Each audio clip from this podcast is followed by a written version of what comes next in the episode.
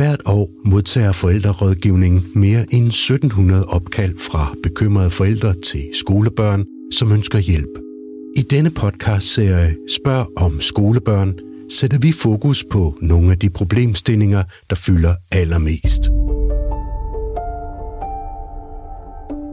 Omdrejningspunktet i hver af de 12 episoder er en konkret oplevelse, som en forælder har ringet ind og fortalt. Altså, de kunne se, at øh, lyset var slukket i hans øjne.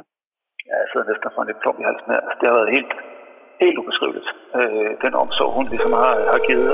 Og når vi så afleverede hende over i skolen, så begyndte hun sådan ligesom at få sådan nogle fysiske øh, symptomer. Det undrede mig egentlig lidt, at hvorfor var det, hun ikke legede med nogen.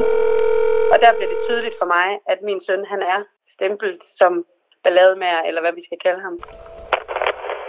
Og til at gøre dig klogere på de 12 udvalgte temaer, er hver gang i studiet Andy Højholdt og Rikke Alice Bille.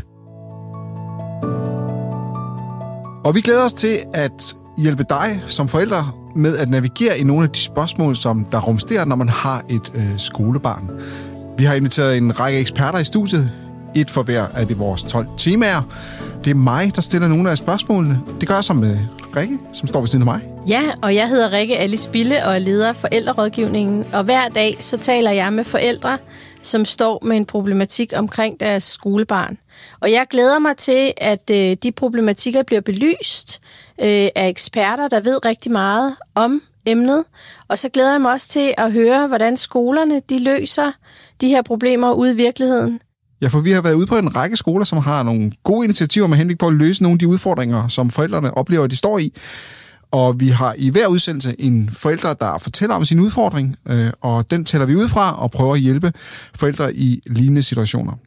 Det er super interessant, synes jeg. Det bliver rigtig godt, Andy. Ja, det gør.